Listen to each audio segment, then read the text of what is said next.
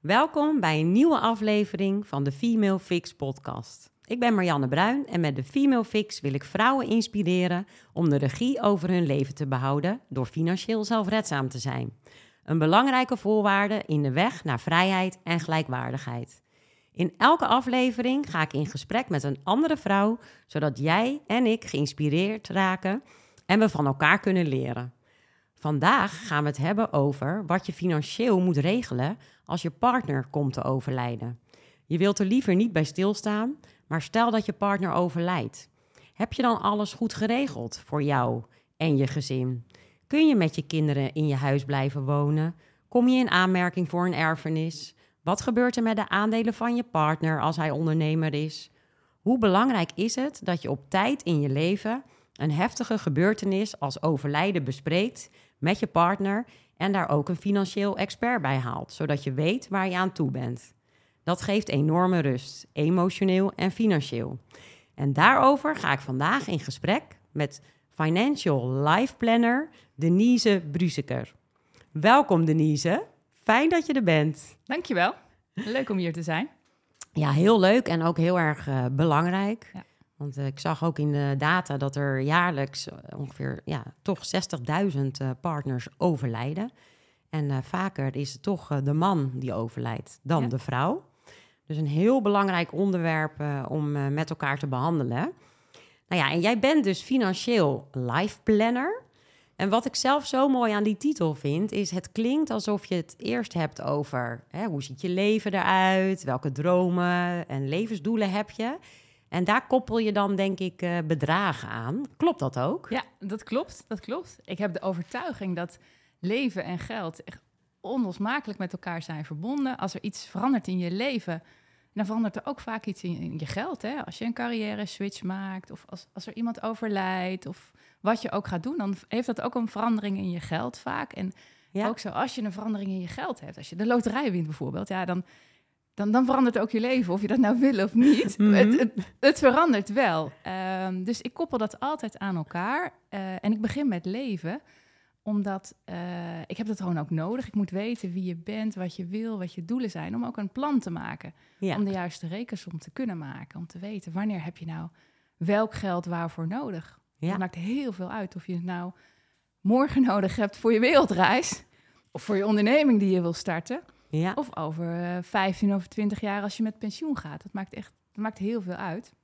Dat is eigenlijk de eerste reden waarom ik het altijd eerst over leven heb en daarna over geld. Anders kan ik gewoon geen goed, goed plan maken. Mhm. Maar het andere is ook dat eh, als je eenmaal met mensen over geld gaat praten, dan, dan verandert er heel vaak iets in het gesprek. Dan, dan, ik weet niet hoe het bij jou is, nou bij jou misschien niet, omdat je er ook wel mee bezig bent met je boek en je podcast. Maar mensen gaan het dan opeens allemaal hebben over belasting besparen en risico's en Ja. rendement. En vergeten dan eigenlijk hun, hun, hun doel, wat ze willen. eh, en dat is gewoon het uitgangspunt van, van, van elke financiële beslissing. ja. Dus daarom begin ik daarmee. En dan, eh, Wat mooi. vast- Maar het is wel mooi wat je zegt. Zodra mensen dan over geld praten, dan eh, klinkt het een beetje technischer, rationeler, functioneel. het wordt enger. Het, het, Hey. het, het, Het wordt kouder, letterlijk. ja, eh, ja. Maar wat, wat is dat toch? Hoe, hoe verklaar jij dat? ja, ik denk dat mensen het ingewikkeld vinden. Eh, geld. Hè? Mensen denken dat het ingewikkeld is. En soms is het ook ingewikkeld. Mhm. Maar heel vaak ook niet. Als je je focust op de hoofdlijnen, dan is het niet ingewikkeld. Nee. En als je je gaat focussen en verdiepen in de, in, de, in de fiscaliteit, in de details, in de exacte regelgeving, die dan ook nog weer eens een keer verandert, Ja, eh, ja, dan kan je daar natuurlijk helemaal in verliezen en ga je daarop Mhm. focussen. En dan je hersenen sluiten zich dan eigenlijk af van, van wat, je, wat je daadwerkelijk wil en waar dat geld voor, eh, voor bedoeld is. Ja. Ehm, en steken mensen dan eh, liever hun kop een beetje in het zand? ja, en het is Ja. natuurlijk ook wel makkelijker om over die details te praten. Als je Mhm. mis- misschien zelf niet zo goed weet wat je wil. Ja. Of als je ook eigenlijk wel voelt dat wat je wil misschien niet kan. Of lastig is. Ja, Dan denk je, nou, als we het daar niet over hebben... en we dat niet inzichtelijk maken, dan, eh, ja, dan leven we gewoon door. precies. En eh, dan hebben we het er niet over, maar het blijft wel nagaan, mensen. Ja. Dan. Ja. Ja, het veroorzaakt dus wel eh, een soort stress. Het veroorzaakt stress. Ja. Ja. Het komt elke keer weer terug. Ja, Ook, elke, hè, dus ook in dat leven, als er iets verandert in je leven, komt toch diezelfde stress over dat geld. wat je ooit had, komt weer terug. Ja, dus je kan het maar beter grondig aanpakken. Je kan het maar beter, dat is mijn, is Ja. ook mijn werk en mijn vak en dat vind ik leuk. Maar je kan het maar be- beter grondig aanpakken. Ja. ja. En dan één keer heel goed doen en misschien af en toe wat bijsturen. Ja, en dat is ook wel wat, je, wat dat bijsturen. Het is ook een proces. Zo'n financieel plan maken is een proces. Het is niet zo dat we in één keer alles kunnen regelen. Want Nee. daarvoor is het gewoon te veel. Dat kunnen hersenen van mijn klant, maar eigenlijk ook die van mij niet zo Nee. goed aan. Want dat is gewoon veel te veel. En veel hangen dus ook met elkaar samen. En dat is denk ik een van de essentiële dingen die ik doe als, als financieel professional.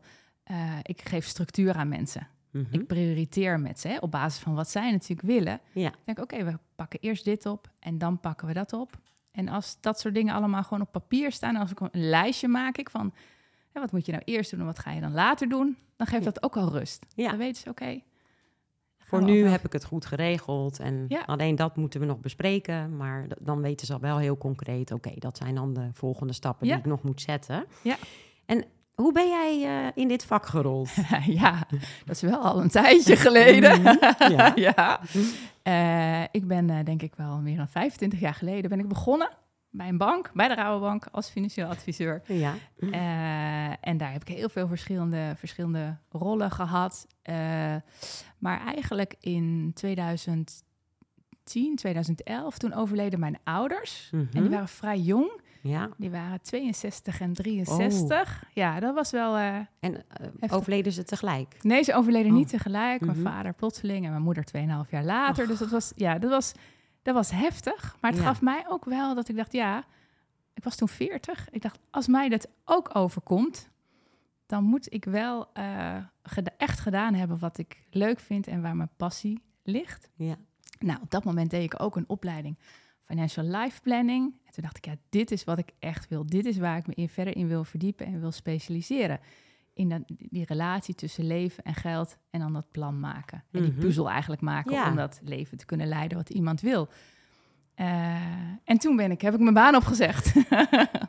Spannend was Ja. dat. En toen ben ik dit gaan doen. En me daar natuurlijk steeds verder in verdiept. En zo, Zo. ben ik erin gerold. Mooi zeg. En moest je toen nog eh, bijstuderen of had je al je papieren al, Nou, al om dit te kunnen doen? Ik had al mijn, mijn financiële papieren had ik al. eh, maar ik heb wel heel veel bijgestudeerd in de coaching, in de life planning, opleiding gedaan in Amerika. Dus ik heb daar heel veel eh in gestudeerd. En dat, dat blijf ik nog steeds doen.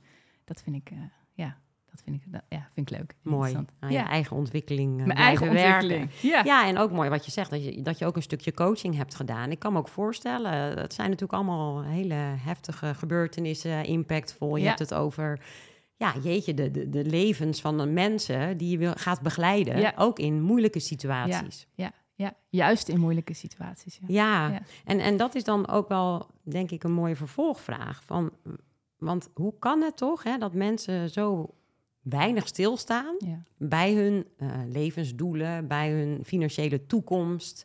Ehm, terwijl, als je er eenmaal in zit, dan denk je echt, waarom heb ik dit niet eerder gedaan? Precies. Maar, ja. maar hoe verklaar jij dat? Ja, nou, eh, ik merk en ik weet ook dat mensen het heel moeilijk vinden om zichzelf in de toekomst te zien. Hè? Om Mhm. jezelf over 10 of 15 jaar te zien, om daar een beeld van te maken. En dan al helemaal om dat geld erbij te pakken. Daar kom je liever niet aan. En ik denk dat ook dat het soms best wel eh, ontoegankelijk is. Eh, de, de markt waarin wij werken, de financiële markt. Het gaat heel veel over de verkoop van producten Ja, als je dat zoekt, als je dat googelt, als je een adviseur zoekt. En dat is nou net niet wat je nodig hebt op dat moment. weer over de details. Ja, dat gaat weer over de details en over, Ja. de, over de productverkoop. Hè. En dus dat is denk ik, eh, dat ligt denk ik eh, aan ons in de financiële branche om dat makkelijker te maken. Mhm. Eh, om dat stukje dus levensplanning en dan de koppeling aan die, aan die financiële producten uiteindelijk makkelijker te maken. Ja. Maar niet daar beginnen. Nee, precies. En wat is jouw methodiek dan om mensen aan het praten te krijgen? Ja, nou, ze komen bij mij natuurlijk. Mhm. En dus ze komen en dan, ja, dan, dan hebben ze een stap gezet. Mhm. Eh, en ik laat ze eigenlijk, ik praat natuurlijk heel snel over, gelijk met ze over doelen. En die schrijf ik ook op voor ze. Dus ik werk met een PowerPoint. Mhm. En dan zien ze het staan en dan denken ze, ja, dit is, dit is wat ik wil. En heel snel daarna maak ik gewoon een heel simpel financieel inzicht voor ze. Ja, En dan zien ze, ervaren ze hoe het is, hun eigen doelen en hun financiële inzicht. En dan gaan ze ja, daarmee spelen. Dan zeggen ze tegen mij: nee, maar ik wil het zo of ik wil het zo. En als we dit nou zo doen, en dan, dan leeft het voor ze. Want als je ja, als je, we hebben natuurlijk heel veel toolingen op internet staan waar je wat kan Mhm, uitrekenen. Zeker, ja. Ehm, eh, pensioenfondsen geven hoe hoog je pensioen is op pensioendatum. Maar dat, dan weet je nog niet wat dat nou eigenlijk precies voor jouzelf betekent. nee. En dat moet je zien in de, in de context. Ja. En, eh, ja, en dat is wat ik doe. Ja, en dan heb je het over doelen. En ik kan me dan ook voorstellen dat mensen als eerste eh, alle positieve dingen noemen. Ja, van, nou, ik wil ja. graag een reis maken of eh, Ja, in mijn koophuis blijven wonen.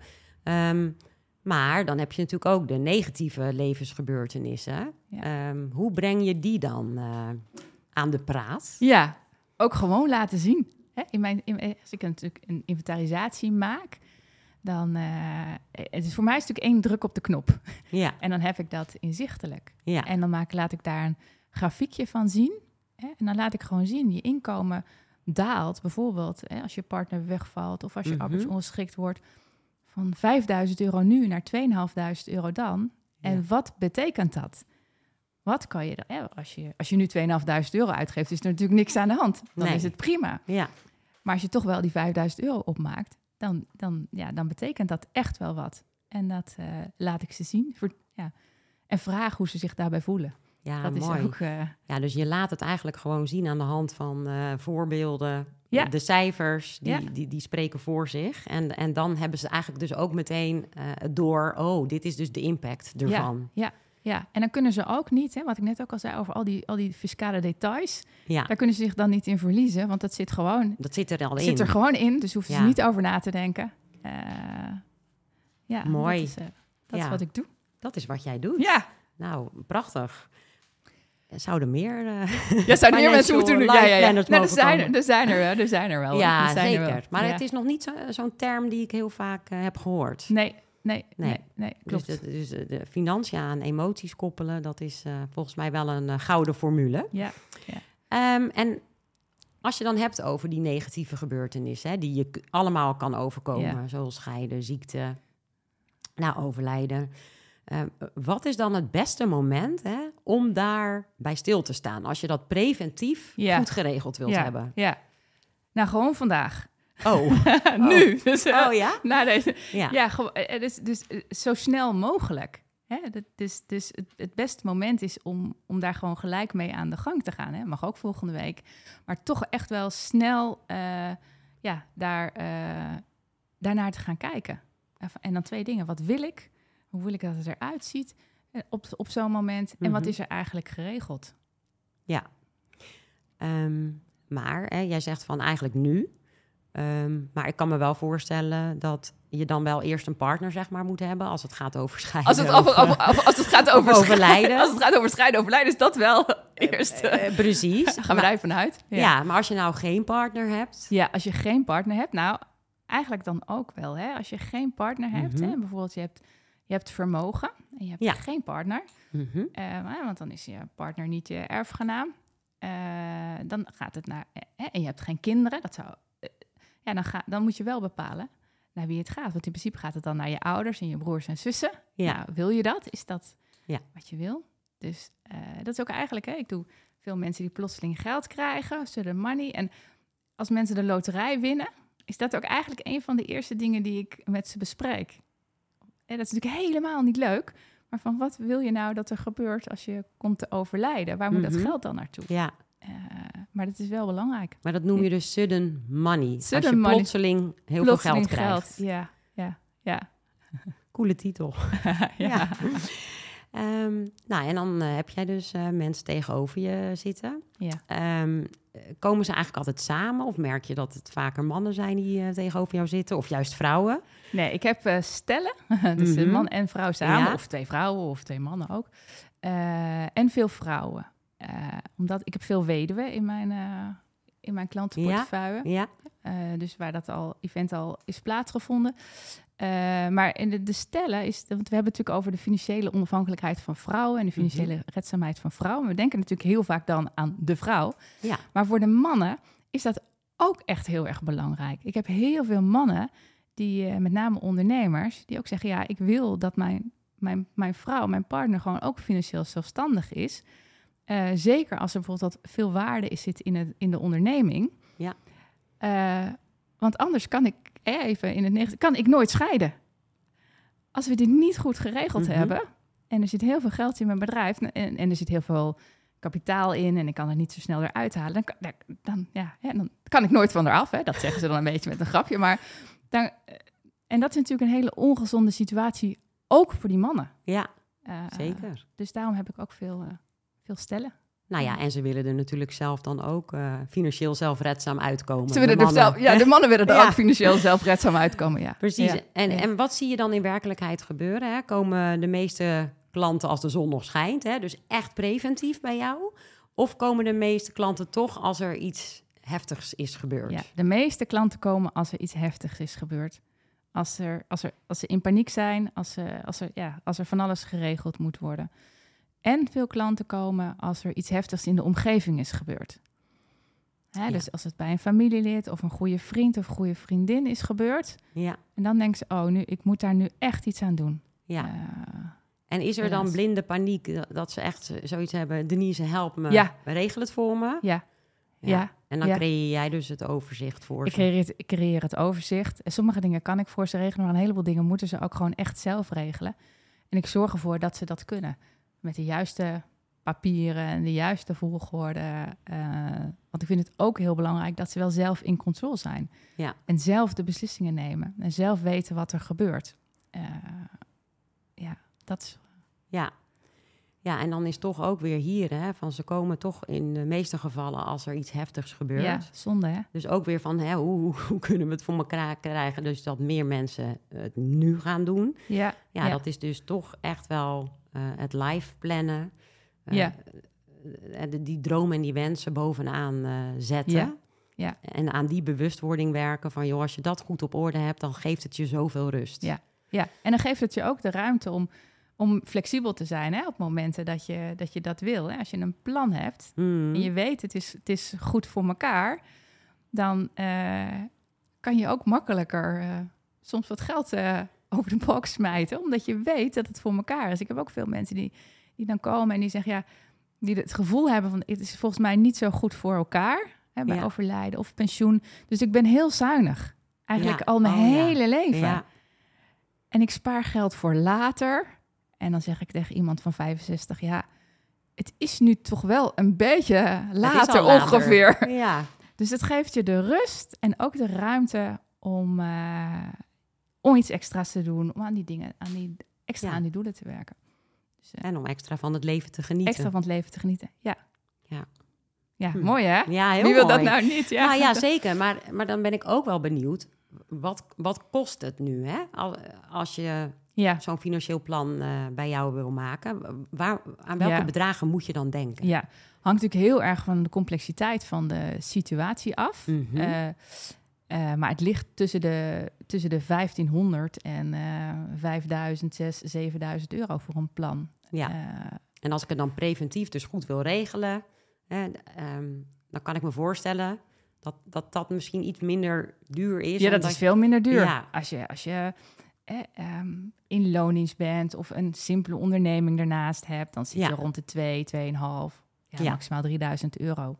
Ja. Eh, als je het, ja, om, het, om dat plan te maken. Ja. Maar het is wel goed om even te weten van wat ben ik dan kwijt. Ja, ja. Ehm, nou ja, je bent dus ook sudden money specialist. Ja. Ik vind dat echt eh, lekker spannend klinken. Is ook wat spannend. En je, je, be- je begeleidt dus klanten die plotseling geld krijgen uit een erfenis, schenking of een loterij. Ehm, kun jij een leuke situatie delen met de luisteraars? Ja, dat, dat, ja, ik denk dat de, de meeste situaties die ik heb zijn weduwen met, met f- families en kinderen en eh, ondernemers die zijn overleden. Dus het is heel complex. Dus daar zit vaak zit er van alles in de nalatenschap, kunst, auto's, eh, investeringen. Dus dat is, ja, er zitten soms hele interessante dingen in. Dat is een complexe situatie. Maar ik denk dat de, de meest bijzondere situatie, hoe iemand nou aan zijn sudden money kwam, is denk ik wel van, ehm, van een jongen die was, eh, IT is IT-consultant. Ja. En die was een jaar of tien geleden, werkte die met, eh met eh, kassasystemen. En die was geïnteresseerd in het systeem van de bitcoins. Mhm. Eh, en hoe werkt dat nou, die blockchain? En hij dacht, nou, ik koop er een paar. Dat ging Ja. heel moeilijk. Dat ging echt heel moeilijk. Hij moest naar het buitenland, maar heeft het, wel, het is hem wel gelukt. Nou ja, en die heeft nu ja, drie, vier miljoen. Hmm. Dus echt geluk. Ja, echt. Het was nooit zijn bedoeling. Geen Nee. enkele bedoeling geweest om dit, eh, om, ja, om zoveel geld daarmee eh, te hebben. En zo'n jongen komt dan bij jou? Ja, en die heeft dus ook een aantal jaren gewoon eh, gedaan alsof het er niet was. Ja. Gewoon zijn leven gewoon doorgeleefd. En, eh, ehm, en dus daar hebben we een plan voor gemaakt. En zeg je, wat wil je nou? En allerlei doelen die hij natuurlijk wel uiteindelijk had. Ja. En nu heeft hij een plan. En nu is hij zijn doelen aan, zijn, zijn, ja, zijn doelen aan het uitvoeren. Wat mooi. Ja. En heb je dan ook nog eh, naderhand contact? Ik heb altijd, de meeste klanten, ik heb altijd daarna nog contact over hoe het gaat. En, eh, en dat soort plannen vragen ook vaak om een update. Ja. Er verandert natuurlijk ook weer Mhm. van alles. Eh, dus de meeste klanten die spreek ik jaarlijks. Ja. En te kijken. Nou, mooi. En ook wel heel verstandig van hem. Dat hij dacht, wow, Ja. ik ga toch eerst eens Ja. eventjes een goed plan maken... voordat ik Ja. dit geld ga Ja. uitgeven. Ja. Nou ja, en dan komen we bij het niet zo eh, leuke stuk... Maar wel dus heel belangrijk om preventief eh, goed te regelen. En laten we mezelf maar als uitgangspunt nemen... want ik denk dat ik hier ook nog heel veel van kan leren... Want ja, ik wil dus zelf ook heel graag alles goed regelen. Ja. Ik heb hier nog geen financieel plan voor, hè, voor als mijn partner eventueel overlijdt. Nou ja, ik ben getrouwd, wel eh, huwelijkse voorwaarden, heb een gezin, vier kinderen. We hebben een koophuis samen. Ehm, mijn man is ondernemer en ook nog Oh ja. aandeelhouder. Ja.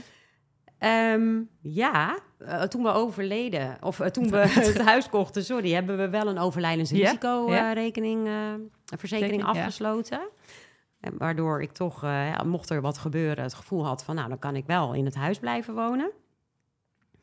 Maar wat zijn dan de stappen nu die ik Ja. eigenlijk zou moeten zetten om dit goed, goed in kaart te brengen? Ja, ja, ja.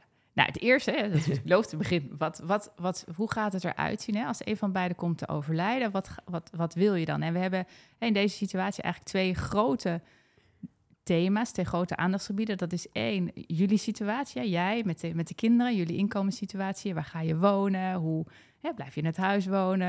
Eh, Ja. Wat doe jij met je werk? Eh, wat is je inkomen? Hè? Misschien is er nog pensioeninkomen. Dus wat ga je, wat ga je doen? En Mhm. het andere is natuurlijk de onderneming van jouw man. Ja. Eh, hij is aandeelhouder. Nou, eh, ik weet niet of, hij, of er meerdere aandeelhouders zijn. Of dat Ja. hij ja.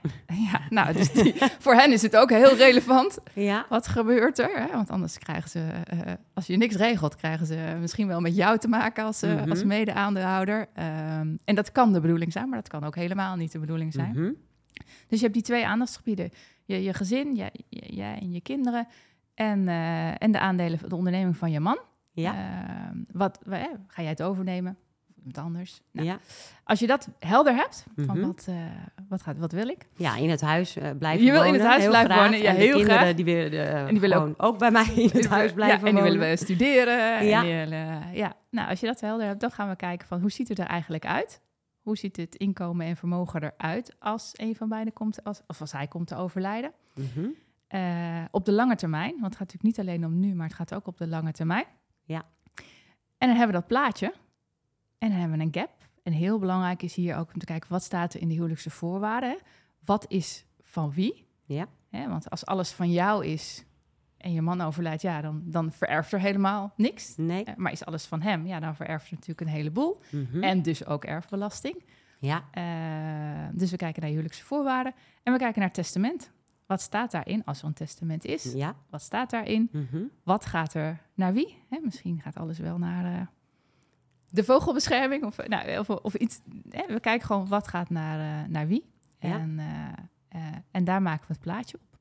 Ja, en kan het dan ook zijn ehm, dat bewijs van alles naar de kinderen zou gaan en niet naar de partner? Of, Ja, dat, dat, dat zou kunnen, maar dat is niet gebruikelijk. Eh, in Nederland hebben we het, het wettelijk erfrecht. En als je, hè, als je twee mensen die getrouwd zijn en, en de een overlijdt, dan is het wettelijk zo gere- geregeld dat in principe alle goederen naar de langslevende partner gaan. mhm. En de kinderen krijgen een vordering. Hè, want de kinderen zijn wel gewoon erfgenaam. Hè? Als, Ja. jij, als jouw man overlijdt, eh, je, je hebt vier kinderen, hè? Dan, Ja. eh, en jij, dat zijn, zijn er vijf erfgenamen.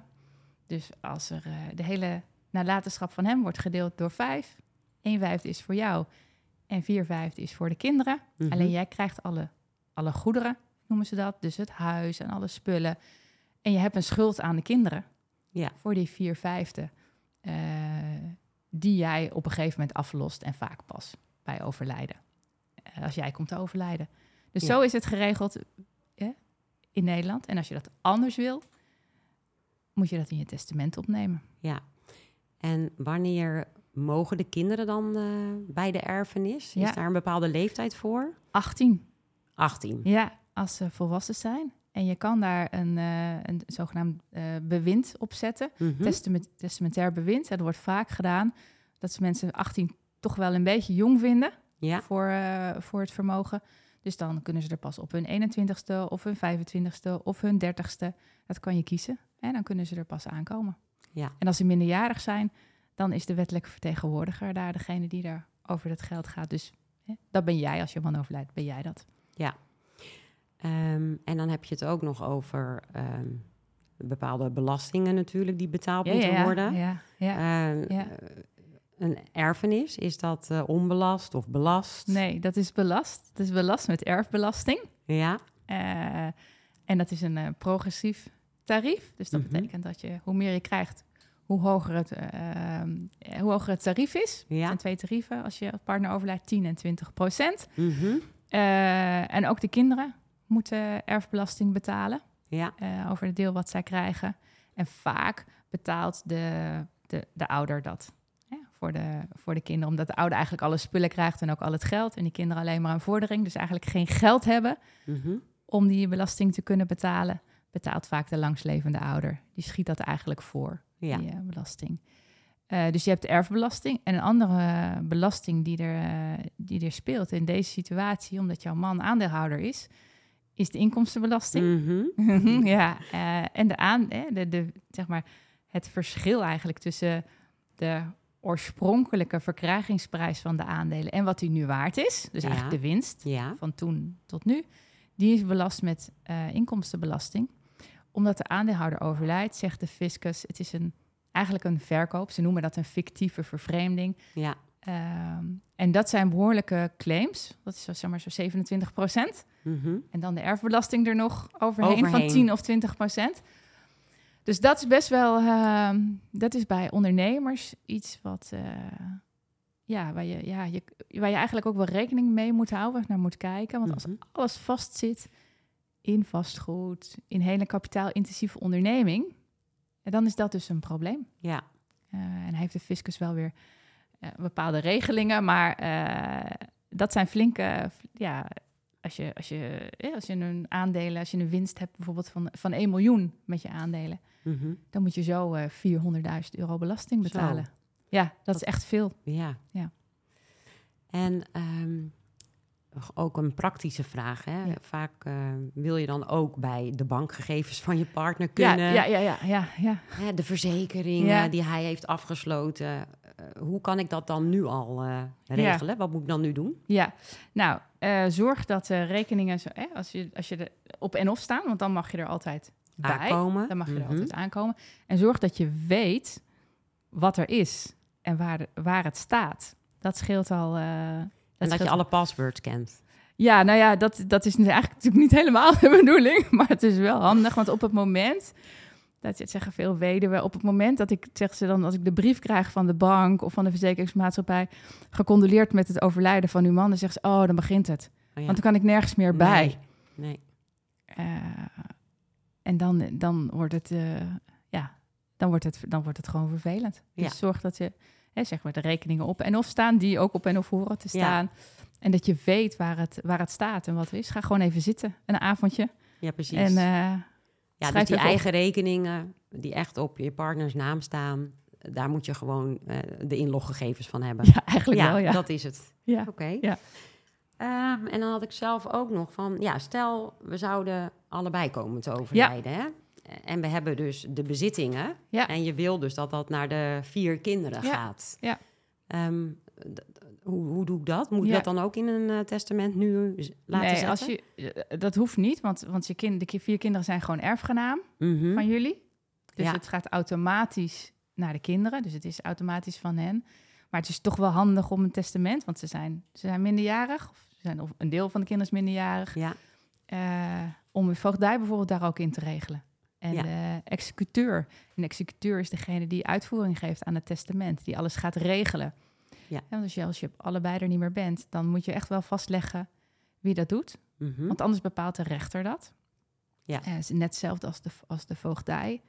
Nou, en dat wil je niet. Daar wil je je familie niet mee opzadelen. Eh, je wil zelf die keuze maken. ja. Dus, eh, En dan heb je een koophuis bijvoorbeeld. Ja.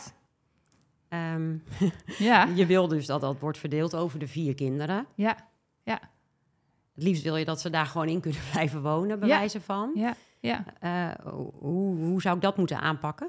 Ja, nou dat is, moet je bespreken met de voogd. Hè, degene die je Mhm. uitkiest als, als voogd. Want die is dan straks de wettelijk vertegenwoordiger van de kinderen. Dus die moet dat regelen. Mhm. Eh, hè, je kan natuurlijk, eh, ik, en wie de voogd ook is, maar je kan natuurlijk de voogd in dat huis hè, laten wonen als dat de optie is. Ja. Zodat die kinderen daar kunnen blijven wonen en naar hun Mhm. school kunnen gaan. Eh, dat gaat de voogd eh, regelen. Ja. Dan, ja. En als de voogd dat dan niet wil, dan, dan zit je met een huis. Ja, dan zitten de kinderen met, een met het huis. Ja, ja, ja. Maar, die, maar er moet iemand, iemand, moet, hè, iemand, iemand heeft het gezag over die kinderen. Als het niet de voogd, hè, in principe Ja. is dat de voogd. Als er geen voogd is, dan eh, wijst de rechter iemand aan. Ja. En dan kan dus de bewindvoerder, die zou dan zich er ook mee kunnen bemoeien. Ja. Maar stel, het huis wordt dan verkocht, want we komen er niet uit. Ja, ja, En dan krijgt iedereen een vierde Ja. deel. krijgt iedereen een vierde deel. En dat is dan ook weer belast? Ja, dat is ook belast. Ja, Ja. ja, ja. ja. Oh, nou, ja het enige wat daartegen te doen is, is opmaken. ja, opmaken. Hmm. Ja, jeetje. Ehm, en als we nu eh, niks regelen Ja, als je niks van regelt. tevoren en, Ja. en het gebeurt dat mijn partner overlijdt en ik kom bij jou, Ja, wat dan? Ja, dan gaan we eerst, eh, we gaan natuurlijk inventarisatie maken van wat is er allemaal. En het eerste wat we eigenlijk doen is verklaring van erfrecht opvragen, Mhm. regelen bij de notaris. Want daarin staat dat jij hè, eh, ehm, eh, de erfgenaam bent en, eh, en de zaken mag regelen. Ja. En dus dat is het eerste wat we doen. Oké. Ja. ja. En dan ga je eigenlijk stapsgewijs door alles wat je net Ja. met mij besprak, ga je Ja, dat ja. doorlopen. Ja, en wat belangrijk is dat we in eerste, als eerste kijken naar van hoe ga jij de komende twaalf maanden leven en waar ga je Mhm. van leven? Is er genoeg geld om de komende twaalf maanden gewoon je leven door te leiden wat je, wat je wil en je uitgaven te kunnen doen? Want dat is natuurlijk het eerste wat moet gebeuren. Ja. Dus dat is echt de korte termijn. Dan regelen we alles. Wat is van wie? Wat, is, wat moet naar wie? En daarna gaan we dat eh, grote financiële lifeplan maken... waar we naar de lange termijn kijken. Als, dat, als, het, als het wat rustiger is. ja. Eh, maar eerst doen we de korte termijn. Wat, wat gaan we de komende twaalf maanden doen? Ja. En eh, ook weer praktisch. Stel, je hebt dus al die bankgegevens niet van je partner. Ja, en, je, ja. en je wilt er dan toch bij. Hè? Ja. Want dat zal wel moeten. Ja, ja. Wat moet Ja. ik dan doen? Ja, veel eh, banken hebben een, eh, een eh, nabestaande desk. Mhm. Dus we nemen dan contact op met de nabestaande desk. En dan geven we de verklaring van erfrecht af daar. Of die, die, die zorgen we dat ze die hebben. En dan krijg jij toegang tot alle gegevens. En Oh, dan ja. geven ze alle informatie die ze hebben van, Ja. jou, van jouw partner. En dan tegenwoordig worden we alsmaar ouder. Hè? Vrouwen leven langer dan mannen. Ehm, het kan natuurlijk ook zijn dat je man ehm, dement raakt. Ja, ja, Eh, dan heb je ook nog een levenstestament. ja. Kun je ja. eens uitleggen hoe dat dan werkt? Ja, en in een levenstestament leg je vast wat je wil dat er gebeurt. Als je zelf niet meer kan beslissen en je, en je, en je bent je, een leven, je bent in leven. Mhm. Dus dat heeft inderdaad te maken met de situatie als je eh, dement wordt of als je een andere ziekte hebt. Ehm, en dan leg je eigenlijk vast wat, er, wat je wil dat er financieel gebeurt en wat er persoonlijk met je gebeurt en medisch vlak. Ja. Eh, dat leg je vast in een levenstestament. Ehm, ook heel belangrijk. Hè? Want als iemand, als iemand dement is, Mhm. mag hij niet meer beslissen Nee. over zijn financiële eh, zaken. En dan kan je ook eigenlijk niks meer doen. Mhm. En dan, kan je, dan kunnen er geen, geen eh, vaak wil, wil men dan nog schenkingen doen, maar dat, dat kan niet meer. Nee. Maar als dat in het levenstestament staat, dat dat wel kan, Aha. dan kan dat wel. Ja, Eh, dus, dus ja, heel belangrijk. ja ook, eh, en, en dat, dat is dan een iets ander onderwerp. Maar dat geldt ook voor euthanasie bijvoorbeeld, toch? ja, hè? ook. Dat, als ook. je, dat mag je vast laten leggen in een Ja, levenstestament. Dat mag je ook vast laten leggen in een levenstestament. Ja. Ja.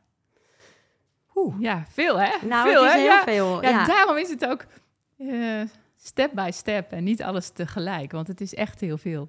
ja. En daarom zou ik begin, begin, ja. Ja. Ja. nou ja, en dan zie je op uh, Nibud en eh, mijn belastingdienst ook wel hè, handige Ja. tips op welke volgorde je moet handhaven. Maar wat ik gewoon merk, het is zo emotioneel. Als ik er al met Ja. je over praat, dan denk ik al, jeetje. Ja, Ja. Ehm, ja, het vereist gewoon mensenwerk bijna. ja, ja, ja, dat is het ook. Ja. Ja. En, en dan kan je eigenlijk die financiële stress er helemaal niet bij hebben. Nee, nee. Nee, dat werkt meestal niet zo goed samen. Eh, eh, überhaupt stress en, eh, en geldzaken regelen. Je, het is ook uit onderzoek bewezen dat je, je, dat je, je hersencapaciteit neemt gewoon ook af als je stress hebt. Ja. Je kan niet zo goed nadenken. Nee. Eh, en die emoties erbij. Dus ga naar een financieel planner. Ga naar, kom naar mij, kom naar een van mijn collega's. Er zijn nog heel veel meer eh, mensen die, eh, die kunnen helpen hierbij. Ja. Eh, Hey, en hoe eh, belangrijk is financiële onafhankelijkheid voor jou? heel belangrijk. Ja, financiële onafhankelijkheid is heel belangrijk voor me. Ik heb, denk ik, al vanaf heel, toen ik heel klein was, door mijn vader heb ik altijd al ingeprent gekregen. Zorg dat je goed voor jezelf kan zorgen. Zorg dat je Mhm. altijd ja, genoeg geld hebt om van te leven en inkomen hebt. Ehm, dus dat is, eh, dat is voor mij extreem belangrijk. Ja? Zelfs zo dat hij, toen hij overleed, hij zei altijd tegen mij... eh, je krijgt, jij krijgt mijn geld niet, ik maak alles op. En je moet voor jezelf zorgen. En dat, was, dat laatste was natuurlijk een grapje dat ik zijn geld niet kreeg. Maar goed, eh, hij kreeg natuurlijk niet de tijd om alles op te maken. Dus Nee. ik kreeg toch wat van Ja. zijn geld. Ja.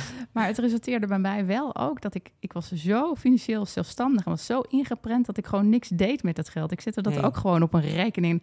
Hè, die emotie waar jij het net over had. Ik wilde er niks mee te maken hebben. Ik kon wel voor mezelf zorgen. Ja. Eh, ja, dat dus werd zo belangrijk. werd zo belangrijk. En dan zie je, dat is dan een overtuiging die je in je hebt, die je Ja. gewoon echt heel erg in de weg zit. Want ik wist natuurlijk prima wat ik, wat ik eigenlijk met dat geld moest doen, maar ik deed gewoon niks. Dus, dus financiële, die financiële onafhankelijkheid, Mhm. en dat, dat is heel belangrijk voor mij. En eh, ja, dat geeft je gewoon rust en de Ja. vrijheid en de mogelijkheden om te doen wat je wil. Ja, en toch durfde je wel de stap naar het ondernemen te maken. Dat vind ik dan ook wel weer heel knap van je. Ja, ja, maar dat was eigenlijk voor mij, ik wilde dit zo graag doen, dat ik, eh, voor mij was eigenlijk het, het, ik zag het risico om in loondienst te blijven veel groter, want ik dacht, ja, maar dan, ik had een hele leuke baan hoor, maar ja, dan heb ik niet echt gedaan wat ik wil. Ja. Eh, en dan word ik straks misschien ziek van of zo. Oh ja. Dus voor mij was het risico op dat moment veel groter om, eh, om te blijven dan om weg te gaan. Eh, en later werd ik pas geconfronteerd met van, oh ja, dit is inderdaad een risicovol ondernemen. Maar dat, dat, dat moet je dan ook niet te veel hebben. Gewoon, nou, gewoon doen. Ja, en je had eh, genoeg spaargeld. En ik, had, en ik had inmiddels wel genoeg spaargeld. En je lost het wel op. Je, dat is denk ik ook de, de, de kracht eh, als, als ondernemer. Je lost het wel op. En als het niet op de ene manier gaat, dan zal je het gewoon een andere manier moeten vinden. En dat doe je dan ook. Ja. Dus eh, Hey, en jouw ouders overleden dus kort na elkaar. Ja. hadden, hadden zij het eh, goed geregeld? Hadden zij alles keurig vastgelegd? zij hadden alles vastgelegd. Zij hadden het goed geregeld. Ja, Dus voor jou ehm, ja.